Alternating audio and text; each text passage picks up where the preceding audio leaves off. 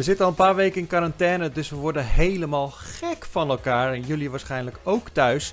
Gelukkig zitten we op veilige afstand van elkaar en kunnen we gewoon een veilige powerpraat opnemen. En dat gaan we vandaag doen met uh, uh, Martin natuurlijk. Hallo Martin. Yo. En uh, ik heb ook nog iemand uitgenodigd. André.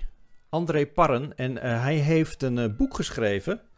En het heet Grip op Gamen. En het gaat over regels thuis uh, die je wel of niet moet houden. Uh, kinderen die graag willen gamen, die helemaal lastig worden gevallen door ouders en andersom. Um, hij heeft er een boek over geschreven hoe je daarmee het beste om kunt gaan. En um, hij heeft wel een aantal tips over hoe je in quarantaine wat meer de ruimte kan geven aan de gamer. En dus als gamer wat meer ruimte kan claimen thuis. En dat is wel belangrijk natuurlijk. We gaan hier straks uiteraard uitgebreid over verder praten. Maar voordat we dat doen, even een momentje van aandacht voor onze partner Asus, die deze aflevering mogelijk maakt. En uh, niet zomaar Asus, maar ze hebben een uh, nieuwe laptop uitgebracht, de Zephyrus G14. En Martin, jij hebt het in je handen, ja, ik uh, balanceer hem hier nu heel subtiel op één hand. het is uh, de meest krachtige 14-inch laptop die er is op dit moment. Hij heeft een uh, AMD Ryzen 4000 series. er zit een 4900 in met 8 cores en, dat is wel heel mooi, een RTX 2060. Dus dat is echt een beest van een gaming laptop. En kijk hier, ik speel zelfs uh, Warzone zonder handen. Dat kan niet gewoon. Uh, nee, nee, dat draait een video. Uh, maar um, ik, ik, ben er nu een week mee bezig. En um, ik edit er ook op. Ik, de, de, video's die je afgelopen week op pu.nl hebt gezien. En vooral op ons TikTok kanaal. Die worden de afgelopen week op dit beest gemaakt. En ik, normaliter zit ik op een MacBookje. En dit, dit rendert een stuk sneller. Dat kan ik je wel zeggen. En ik kan eindelijk ook met mijn maat de Warzone spelen. Want ik speelde altijd uh, dan op de PlayStation 4 en Xbox. Ja. En zij speelden op de PC. En ze, wilden, ze, ze willen niet crossplayen. Dus nu kan ik lekker met ze meedoen. Kun je dus, lekker uh, cheaten? Ja, Sst, niet zeggen. nee, ja, nee ja, ik, ben, ik ben er blij mee. Ik vind het jammer dat hij straks terug moet. Want uh, dit had ook perfect geweest om straks voor uh, woon-werkverkeer. Want hij is, hij is licht. Hij is een, een, mooi formaatje. En ik vind hem best wel fancy. Dus ja. mag ik me houden? nee, ja, misschien als je het heel lief vraagt uh, aan Asus. Hartelijke dank u wel dus aan uh, de Zephyrus G14 voor het mede mogelijk maken uh, van deze Powerpraat. Ja, we gaan het hebben over de quarantaine. En ja, dat is natuurlijk, iedereen zit samen thuis, zit ja, hutje-mutje eigenlijk. En je wil natuurlijk wel zo goed mogelijk die quarantaine doorkomen zonder al te veel ruzie. Ehm, ja, André, jij bent gespecialiseerd in, uh, in, in, in gamen en de thuissituatie. Je had op LinkedIn had je een aantal um, nou, regels neergezet over wat je vooral niet moet doen als ouder, of juist wel in deze situatie, hè? Ja, ik had wat tips met uh, iedereen gedeeld, omdat ik merk dat, uh, ja, ik ben pedagoog, ik werk al meer dan twintig jaar met gezinnen. Ik ben zelf ook vader van twee screenagers, zou ik maar zeggen, waarvan één veel gamet. Ja. En je, ik, ik merk wel ouders worstelen met: oké, okay, wat nu? Hè? Kinderen zitten thuis, scholen zijn dicht, sportclubs zijn dicht, sociale contacten mogen niet meer. En dan gaan ze gamen. Dan hebben we natuurlijk het game op zich, maar natuurlijk wat ik ook altijd zeg tegen de ouders: dat is natuurlijk een hele online wereld die daarachter zit.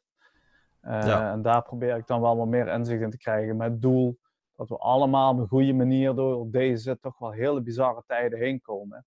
Zonder dat we daar de hele tijd ruzie over hebben, over de schermtijden, over de gametijden natuurlijk. Ja, want heel veel gamers hebben natuurlijk te maken hè, met ouders die zeggen van ja, je mag, uh, je mag elke dag maar een half uur of een uur of uh, in het weekend uh, iets meer of wat dan ook. Mm, Moeten we speciale mm. gaming quarantaine regels gaan hanteren, vind je? ik vind sowieso dat we de, de, de oude regels los moeten laten nu. Wat, wat zijn eigenlijk de oude regels? De oude regels vind ik dat, dat bijvoorbeeld een kind terugkomt van school, dan even mag gamen, dan moet eten, misschien naar de sportclub moet. Hè? De, de regels die passen in een normale week. Ja. En week weekenden zijn die meestal ook wel losser. Ja, dat werkt nu even niet, want die hele dag, dagen zien er gewoon anders uit. Dus heb ik ook tegen ouders vooral als tip gegeven. Laat dan het oude idee even los. Want anders ga je zo focussen op die gametijd. En ik zeg vaak gametijd eh, zorgt voor strijd ja, dan wil je nu niet hebben in het gezin. Want uh, wat jullie al zeggen, je zit bij elkaar op een lip een tijdje. Nou, dan is juist de sfeer en de relatie heel belangrijk. Ja. En daar past ruzie over gametijd, past daar niet in. Dat wil wel niet Dus- zeggen dat iedereen vrije tijd krijgt, vrije brief krijgt. Zeg nou, game maar 10 uur per dag. Dat is natuurlijk de andere kant van het verhaal. Nee, maar als je, jij bent pedagoog, wat is, wat is eigenlijk pedagogisch verantwoord? Hoeveel uur mag je per dag gamen zonder dat het eh, problematisch is volgens jou? Pedagogisch verantwoord is, ligt aan de ontwikkelingsleeftijd van het kind. Een kind van 5 jaar wat 3 uur gamet, is, is niet goed. Een kind van 15 wat 3 uur gamet, hoeft geen probleem te zijn. Dus het hangt heel erg af van eh, de leeftijd van het kind, de situatie. ehm, eh, dus dat is moeilijk te zeggen. Heel veel mensen vragen me dat, André, hoeveel uur is nou normaal? Ja, de theorie zegt 3 uur. Hm. Maar dat geldt Ja. dan wel voor, voor pubers en ouder. Ja. Eh, maar dat past natuurlijk bij de ontwikkelingsleeftijd eh, van het kind. Ja. Dus dat daar, maar echt precies uren en minuten vertellen, dat is vaak lastig. Ja, dat, dat is natuurlijk wel begrijpelijk. Maar het is natuurlijk wel voor, eh, voor een gamer is natuurlijk. eh, het, het verschilt heel erg. Ik weet nog wel dat ik vroeger. dan mochten wij maar een x aantal uur tv kijken, bijvoorbeeld.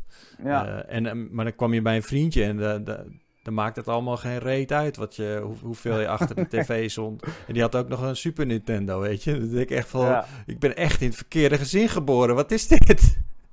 ja, wat je deed, je vertrok je thuis gewoon, dan ging je daar zitten. Weet je? Ja, nee, precies. Dus, eh, Maar wat voor dingen maak jij thuis mee? Want jij zegt net, ik, ik, heb, ik heb echt een zoon, eh, een puberende zoon die, die veel Ja. gamet. Wat maak je Ja. nou mee in, eh, nu specifiek in de quarantaine situatie? Nou, waar ik heel erg eh, op zit, en dat doe ik ook heel erg met trainingen, is van, eh, dat, dat games invloed hebben op je emoties. En ik merkte, mijn zoon is bijvoorbeeld heel vatbaar voor FIFA Online. Dus voor mij de ultimate eh, rage quit game, waar ook zelfs heel veel volwassenen last van hebben hoor. Ehm, heel veel elementen die zorgen voor spanning, stress. En dat heb ik wel met mijn zoon afspraken gemaakt. Nou, die gaan we nu dus wat minder spelen. Oké, dus hij mag een bepaalde game minder spelen. Niet meer wil ik niet zeggen, maar als ik merk, die afspraak hadden we al. Hè? Als hij bijvoorbeeld een beetje ge- ge- geïrriteerd terugkwam van school, mocht hij van ons geen FIFA spelen. En dat hebben wij heel erg snel gemaakt, die afspraken. Omdat ik wist, dan schiet hij door. Dan is hij al geïrriteerd. En zo'n spel als FIFA of Fortnite, hè? de spellen waar je veel moet winnen en verliezen, waar veel druk op ligt. Ja, Ja. dan is de kans groot dat, dat een kind boos wordt. En dat zijn afspraken die, die we nu gemaakt hebben. Ik heb hem bijvoorbeeld eh, Heart of Irons laten installeren. Heb ik hem aangeschaft. Want dat is. Een, eh, hij speelt dan alleen heel strategisch. Dat werkt heel rustgevend voor hem. Dus we hebben daar wel een goede afspraak, een goede balans in gemaakt van welke games spelen we over de dag. En wissel Ja, dat precies. af. Doe niet alleen maar die, die shooters online, die heel leuk zijn. Maar als je een hele dag speelt, heeft dat ook wel heel veel invloed op de emotie van het kind. Daar Ja, mogen we wel duidelijk over zijn. En dat zijn Wat- wat je heel die vaak- maak je samen met je gamer. Wat je, wat je heel vaak ziet, en ik heb het vroeger ook echt heel veel gehad. Dat, eh, ik, ik, ik speel een potje Counter-Strike. Eh, vroeger speelde ik dat heel veel. En dan eh, moest ik ophouden. En je kan natuurlijk niet zomaar in een Counter-Strike match, of toen heette het nog een war, kan je natuurlijk niet stoppen. Wat is. Hoe, hoe ga je daar eigenlijk mee om? Hoe moet je daarmee omgaan? Als, als gamer, maar ook als ouder. Nou, een heel duidelijk voorbeeld van, van hè, sinds kort zijn de Battle Royale modes heel bekend. Hè? Ja. Ehm, de, de Fortnite, PUBG, nu eh, Call of Duty heeft een heel succesvolle Battle Royale mode. Ja. En daar eh, lopen ouders heel vaak tegenaan. Dus etenstijd, ze vallen binnen. eh, zoon of dochter lief zit samen met, met, met een groepje van de klasgenoten in Fortnite, zijn heel ver. En dan moet er eentje stoppen. En dat is, eh, dat is al heel vervelend, hè, want je bent heel ver. Daar heb je heel erg je best voor gedaan. Maar je laat ook je online vriendjes in de steek. Dus daar komt die sociale druk komt ook bij kijken. Dan zeg ik tegen, altijd tegen ouders, nou verdiep je eerst eens in dat spel. En kijk eens wat dat allemaal met zich meebrengt. En je weet een Battle Royale mode bijvoorbeeld dat Fortnite duurt maximaal 20 minuten en 5 minuten overtime. Geef hem ook die kans om dat uit te spelen. En verwacht dan ook aan de andere kant, als, als het kind dan eerder klaar is, dat hij dan ook stopt. Dat is een beetje wisselwerking. Ja. Eh, maar heel veel ouders begrijpen dat niet. Komen en stormen zo'n kamer op. Eh, de grootste ruzie onder het etenstijd vaak. Ja, dan, dan probeer ik wel uit te leggen hoe dat komt. Omdat dat kind dan juist zo, eh, zo heftig reageert. Ja. Ja. Heb jij, heb jij eigenlijk problemen mee, eh, Martin? Je hebt Ja. redelijk echt jonge kinderen. Hey, mijn kinderen zijn nog vrij jong. Uh, mijn jongste moet nog twee worden. En mijn oudste is uh, net, uh, net vier geworden. Die begint dan net de wereld van de videogames te ontdekken. hij mag af en toe op de Nintendo Switch en hij mag af en toe op de iPad. Um, hij, hij, weet als, als zijn broertje gaat slapen voor zijn middagdutje dat hij even mag spelen. Uh, hij vraagt er wel steeds om, maar we proberen toch ook wel in de gaten te houden. Ook, vooral uh, welke games hij aan het spelen is. Ik heb liever dat hij op de Nintendo Switch speelt dan op de iPad. Omdat ja, we weten allemaal hoe die, uh, vooral die gratis iPad games werken. dat zijn halve gokmachines die je vooral proberen uit te dagen om verder te gaan spelen. Om daar ook zoveel mogelijk geld in uit te geven. af en toe moet je ook dat tegenhouden dat je niet per ongeluk op... Hey, ik koop nu even voor 120 euro aan, aan Disney gems.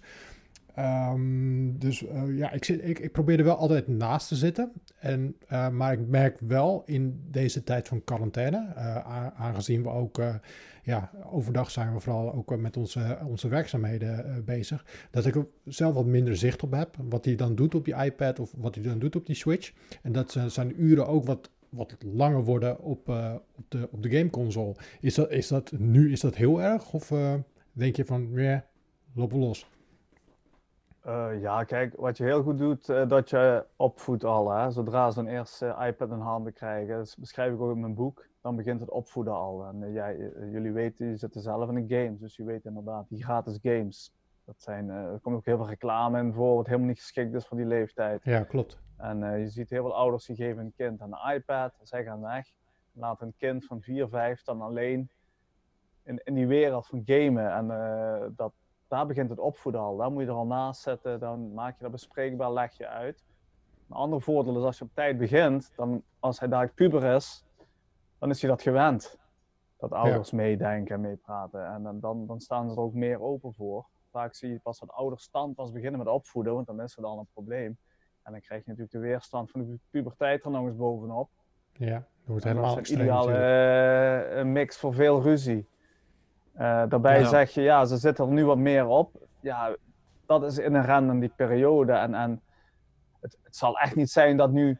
Kijk, 11 mei beginnen gelukkig de scholen weer. Hè? De basisschool hebben we gisteren gehoord. Kijk, op, Ja. op drie weken tijd wordt een kind echt niet gameverslaafd.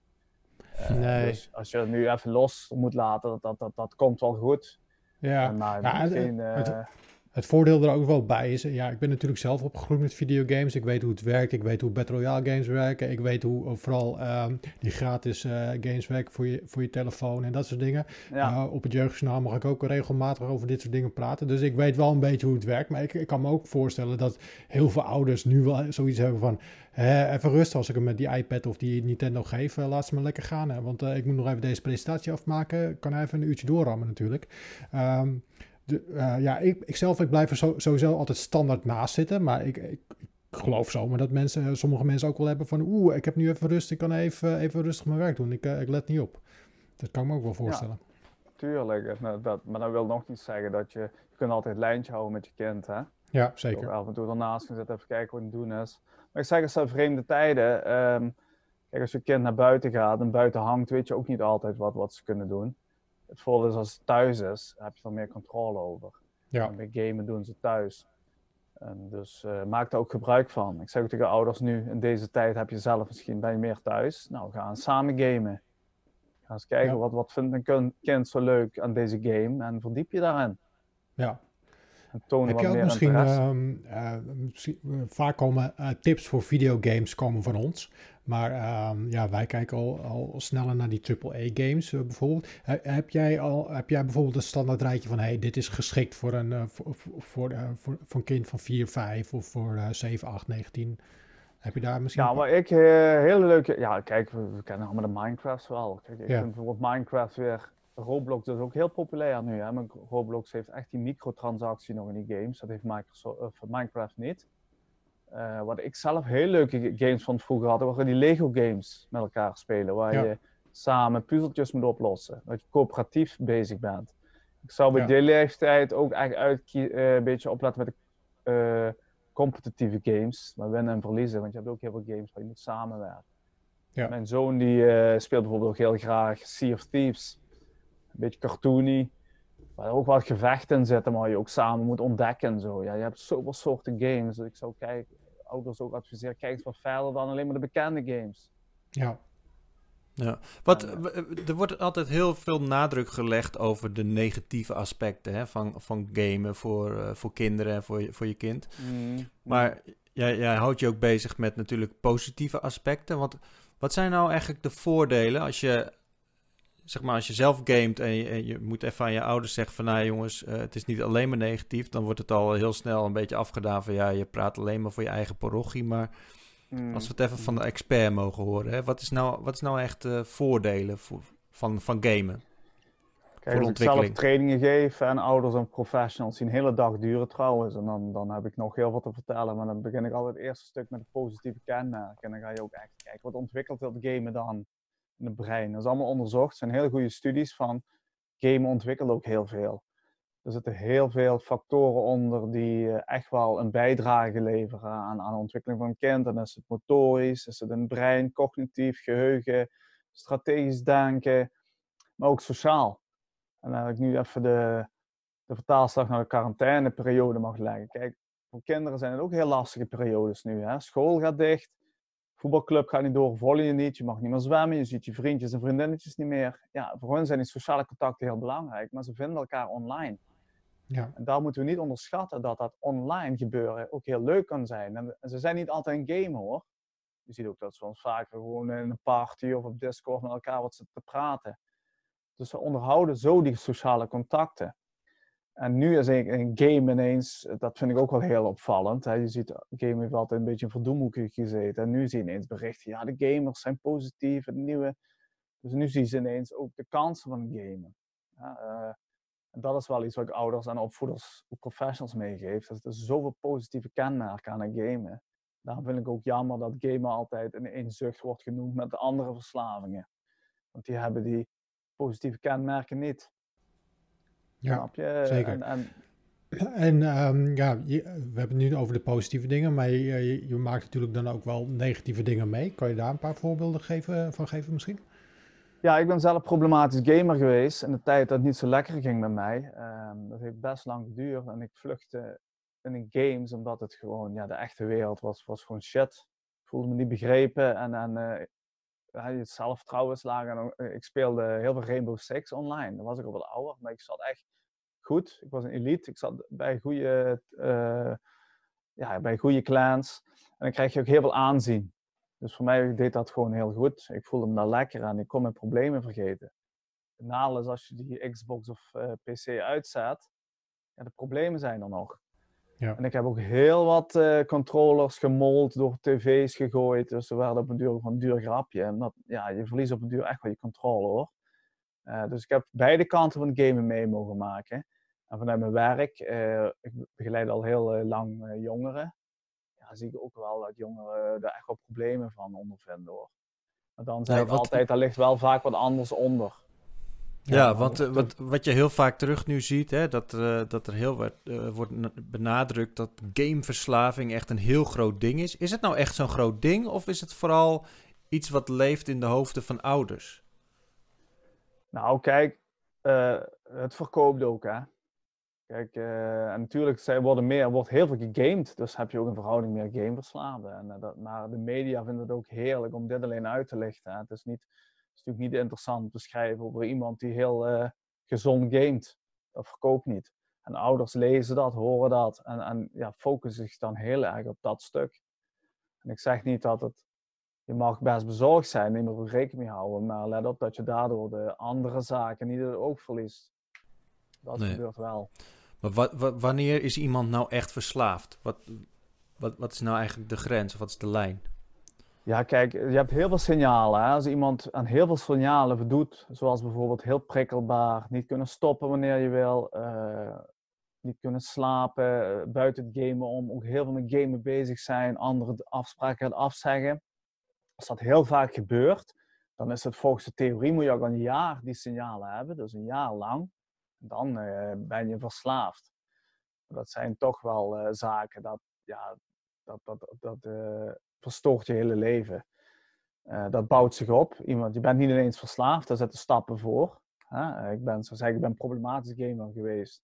Ik had ook verslaafd kunnen worden. Gelukkig uh, zijn er facetten geweest die dat, niet, dat dat niet gebeurd is. Die signalen zijn er al eerder, dus ik zeg altijd tegen ouders, let wel op. Ze hebben altijd een fase dat je denkt van, hé, hey, hier is het gamen niet meer zo leuk, hè? Die balans, Ja. daar kun je nog heel veel. En hoe, hoe kan je dat, eh, als, je, als je als ouder ziet van hé, hey, dit gaat de verkeerde kant op, eh, wa- wat zou je daaraan kunnen doen? Ja, wat ik belangrijk vind is, ga, het ga vanuit de relatie werken. Wat zit daaronder? Eh als iemand veel gamet, zit vaak een ander probleem onder. Dat kan stress zijn van school, plagen, misschien een vechtscheiding of ouders die werken. Het kan van alles zijn. En dus focus dan niet alleen op dat gamen. Maar ga ook eens kijken naar de functie en het waarom. Eh, waarom gamet iemand dan? Eh, is het de functie om je hoofd leeg te maken? Ik werk bijvoorbeeld heel veel met jongeren met autisme. Ja, voor hun is dat gewoon even een hele drukke dag het hoofd leegmaken. Ja. Dan heeft het een heel belangrijke functie. Ga je dat Ja, dat staat afpakken? Ja, dat staat ook in je boek, hè? Dus op het moment dat, Ja. je, dat, je dat, eh, dat je dat weg wilt halen, zeg maar, dat ze overmatig gamen, dan moet je dus eerst kijken naar welke functie het gamen nou eigenlijk vervult in het leven van zo'n gamer, om te kijken welke alternatieven erbij passen, om, zodat ze die functie niet verliezen van bijvoorbeeld ontstressen of wat dan ook.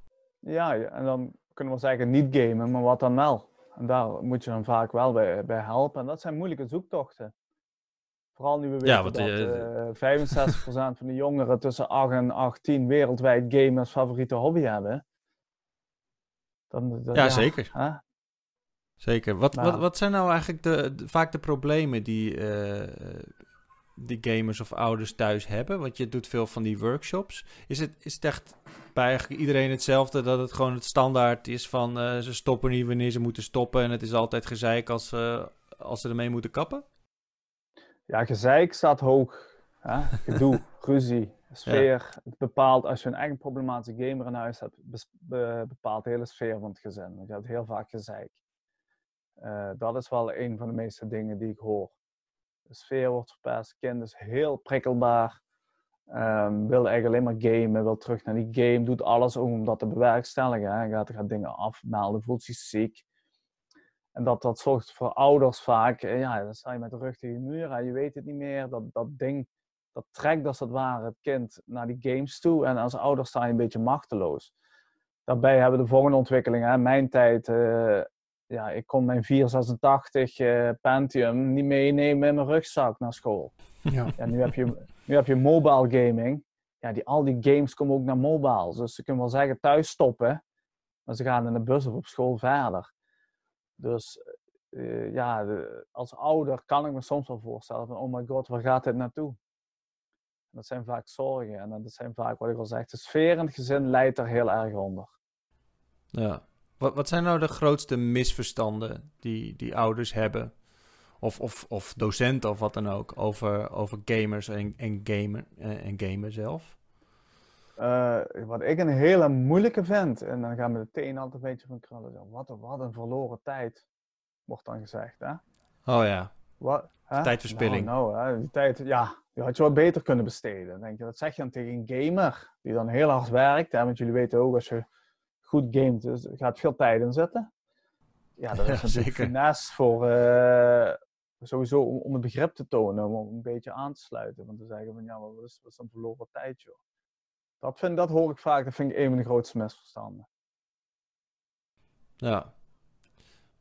Ja, want ik kan me voorstellen dat, ehm, dat het vooral voor ouders heel erg moeilijk is om te, te begrijpen waarom een kind iets leuk vindt. En daardoor heel erg eh, willen duwen naar wat zij eh, in, eh, leuk vonden toen zij kind waren of zo. Weet je, Ja. voetballen buiten of wat dan ook. En heel erg vanuit je eigen referentiekader dat opleggen, maar daar moet je mee opletten, want, want dat, dat, dat klopt niet meer. Het, we leven niet meer in de jaren tachtig. Eh, onze kinderen zijn opgegroeid met internet. Dus voor hun is dat anders. Dat wil niet Ja. zeggen dat het alleen maar game is. Hè. Je moet altijd goede afwisseling vinden, maar het, het is niet meer zoals vroeger. Nee. En dat, dat pakken mensen naar terug, maar dat is ook veilig, hè? Dat is bekend en het nieuwe is maar eng. In de jaren 60 was Ja. tv de duivel. Ja. Ja, nu staat overal een tv. nee, nu, met de ga- nu zit game een beetje in de verdoemhoek. En eh, ik- mijn, mijn missie is ook. eh, kijk, ik heb een, gewoon een missie, een levensmissie, is dat iedereen in de wereld op een gezonde en verantwoorde manier kan en mag gamen. Dat is gewoon mijn doel.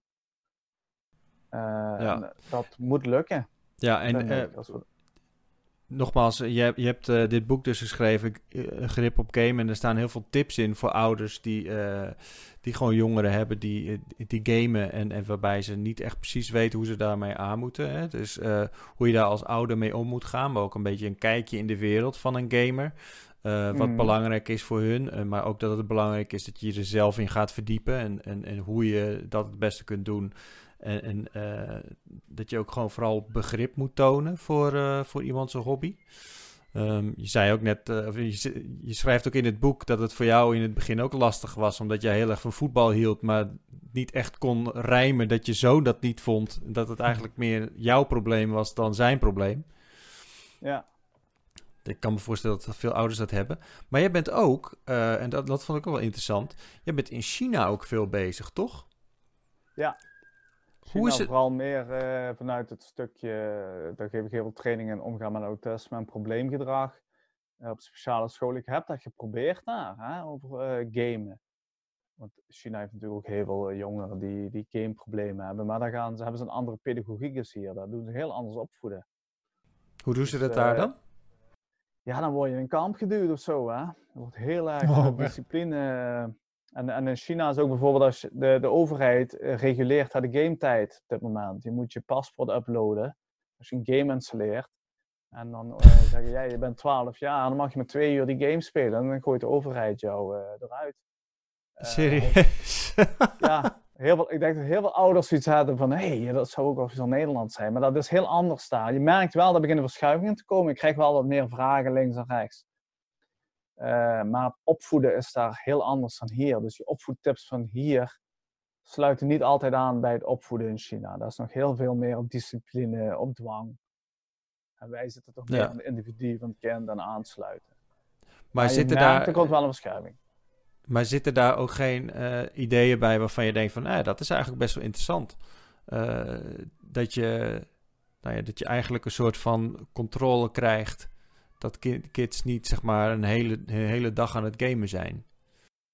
Het, het, hoeft klinkt zeker interessant, maar ja, dan ben je wel, eh, je hele privacy telt dan niet. Hè? Want Nee. we werken dan samen met politie of zo, die jouw gegevens dan, eh, dan gaan ze jou controleren. Hè? Dan krijg je, wordt je gedrag gecontroleerd. Ja, Dat past gewoon niet in de Nederlandse denkwijze. eh, Of je het Nee, goed dat zou ook een beetje niet. eng zijn, ja. ja Dat inderdaad. is eng. Dat en in hoe, China eh, het game heel groot is, hoor, want als je daar op een vliegvelden komt, eh, ik weet dat vorig jaar heeft volgens mij een team, dat weten jullie misschien beter, een Chinees team League of Legends gewonnen. Ja, dat zou zo kunnen. ja. Ja, dat hangt dus overal in die, in die airports, hè, grote posters, dat zijn daar echt rolmodellen. En, Ja. en, eh, en, de- en eh, het gedoe rondom Hongkong hebben die gamers, eh, de Chinese gamers, echt standpunt genomen hè, voor de Hongkongse jongeren. Die hebben heel veel invloed, die jongeren. Dat gamen Ja. is natuurlijk ontzettend populair in China.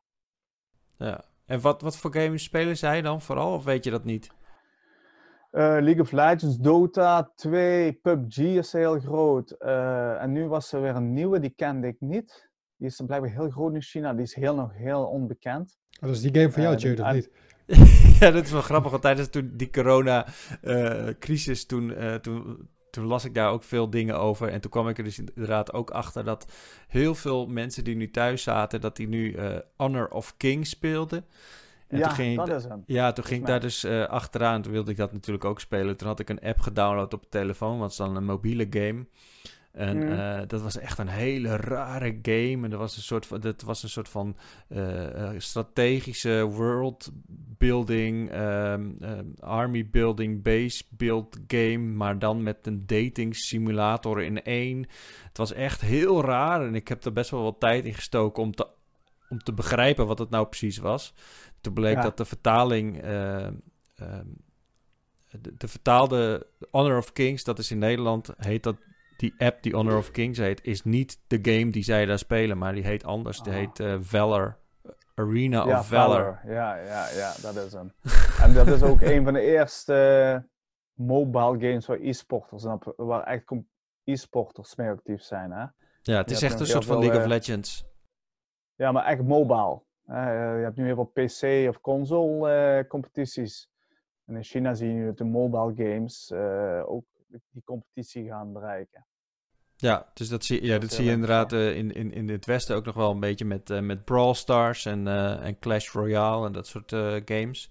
Maar in, in China heb je dat veel, is, is- lijkt dat veel groter te zijn, dat mobiele. Ja, maar vooral als het van Tencent is, hè. Kijk, PUBG is volgens mij van Tencent. Ja, dat is gewoon een Chinees bedrijf. Kijk, eh, zij zorgen er wel voor dat dat groot wordt. En Ja. dat zit ook heel erg in die apps. Dat is allemaal heel anders dan Nederland. Ja. Ja. Maar om dit even allemaal af te ronden, als jij nu gamer bent en je zit thuis tijdens die quarantaine en je ouders houden nog krampachtig vast aan eh, de regels die ze altijd al hebben gehad, eh, denk zeker aan de tips van André. Want eh, Ja. heb, heb je ze allemaal op een rijtje, André? Of dingen waarvan je denkt van... Nou, wat ik dus wil zeggen van laat de oude regels wat los. Denk mee. Hè, doe eens mee. Eh, geef geen vrijbrief voor altijd gamen. hè. Wissel ook af met, er kunnen nog gene- eh, dingen gedoe- eh, gedaan worden thuis, wat ook belangrijk zijn. En kijk ook eh, vooral ook offline activiteiten. En, en onderschat ook niet dat ze daar een sociale contacten onderhouden. ja, Dat vind ik ook heel belangrijk naar ouders toe. Dus misschien moet de gamer wel zeggen, ja, zo zie ik mijn vrienden nog. Jullie willen Ja. toch dat ik vrienden heb? Nou ja, die zie ik nu toch. Die spreek ik nu iedere dag. ja, En ik heb laatst op LinkedIn ook een heel eh dingen geplaatst met allemaal tips rondom coronatijd. En eh mijn ouders, ben niet bang. Een kind wordt echt niet verslaafd op, op zes weken eh, meer gamen. nee. Dat, dat, Dus eh, doe even- en als doe even de rustig. scholen weer beginnen. En dan komt er ritme en dan komt er een alternatief. Dan zie je ook dat dat game wel minder gaat worden. Ja. Dus gewoon eh kalm, kalmte bewaren, niet te veel ruzie Juist. maken. Dan wordt het allemaal eh, een stukje Nee, fijner thuis. Sfeer in het gezin is... Je kunt nu ook juist werken aan eh, de verbeteringen. Hè? Het sfeer in het gezin is heel belangrijk nu. Ja. Ja. Hoe, eh, heb jij nog eh, vragen aan je persoonlijke pedagoog? Ja, dit is wel. eh, nee, ik, ik- ben blij om te horen dat ik eh, goed bezig ben. En dat, eh, dat extra half uurtje wat hij nu misschien eh, ja, om de dag eh, speelt, dat dat niet erg is. Ik moet wel zeggen, eh, we zijn ook iets soepeler met, met tv kijken geworden. Is, eh, is dat hetzelfde als gamen, tv kijken of niet? Ja, je hebt natuurlijk... eh, heel veel onderzoeken zijn gedaan op, op gametijd. Eh, maar je hebt natuurlijk nog schermtijd. Want Ja. eh, dat is een goeie dat je vraagt. Want, want mijn zoon, als hij niet gamet... Dan kijkt hij wel, dan komt hij beneden naast ons zitten en ben ik televisie aan het kijken. Maar hij zit op zijn tablet eh, allemaal die, die vloggers over FIFA te kijken en zo, om dingen te leren. Ja. Ja. En, en als hij zegt, eh, nou, eh, ga je mee televisie kijken? En dan zeg ik om een half uur begint dat programma. Dan zegt hij, ja, hallo, ik ga er geen half uur wachten. Want zij zijn heel erg gewend. eh, Ja, play en het begint. dat heb je ook nog, hè? En de telefoon, dus het schermtijd. eh, ja, hangt daar een beetje, hangt daar natuurlijk ook aan vast. Maar dat zal meer zijn dan die gametijd. Ja. Ja, gaat. Daar zijn nu ook meer onderzoeken bezig van eh, hoe schaal, hoe kun je dat het beste begeleiden. Ehm, kijk, vergeet niet, een heel belangrijke tip wat ik nog wil zeggen is afsluiting. Ja. Onze kind, de digitale leefwereld is heel belangrijk voor onze kids. Hè? Eh, als ze een gamer zijn, het is niet alleen maar gamen. Ze zitten op Discord, ze kijken Netflix, ze zitten op WhatsApp, videobellen. Dus alles is bij hun al samen. Wij kijken nog te vaak gamen los, social media los, streamen los. Voor hun is dat niet meer los. Dat is één wereld. Ja, eh, waar ze zich heel erg vaak in bevinden. En die ook steeds belangrijker wordt. En nu in coronacrisis bevinden wij er ons ook eh, noodgedwongen meer in. En dan is het ineens eh, niet meer vreemd, want dan is het fijn. Dan kunnen we zoomen en skypen en alles. Terwijl de gamers dat al, al jaren doen. Hen is dat Ja. niks nieuws nu. nee, precies. Die doen heel veel vergaderen online als ze weer een raid moeten doen met, met World of Warcraft, of niet? Die, die zijn niet anders gewend dat ze zo samen moeten werken. Dus Ja, dat is zeker waar. Goed Ja. punt. Goed punt. Nou, André, eh, hartstikke bedankt dat je, dat je aan wilde schuiven in deze virtuele eh, chat. En wat dat betreft. Ehm, heel erg gamey, begrijp ik nu. Ehm, mocht je daarin geïnteresseerd zijn om misschien eh, voor je ouders aan te schaffen, of eh, ben je ouder en eh, wil je dat wel eens lezen, wat, eh, wat André allemaal heeft neergepend. Het boek heet Grip op Gaming en die is eh, waarschijnlijk wel op eh, de normale plekken te verkrijgen. Ja, en mensen, ik ben ook actief op socials, dus eh, via LinkedIn, Insta, Facebook, eh connecten vind ik heel interessant. Ja. Oké, André bedankt. Ja? Jij ook bedankt, bedankt. eh, Martin. Jo, geen probleem. En eh, jullie ook bedankt voor het kijken, voor het luisteren. Vond je dit nou een leuke video of vond je dit een leuke podcast om te luisteren? Zorg er dan even voor dat je laat weten dat je het leuk vond. Dat kan door een duimpje op YouTube of even een recensie achterlaten op je podcast-app. Dan is die beter vindbaar voor andere mensen die dit ook leuk vinden. Voor nu, bedankt voor het kijken, bedankt voor het luisteren en tot de volgende keer. Houdoe.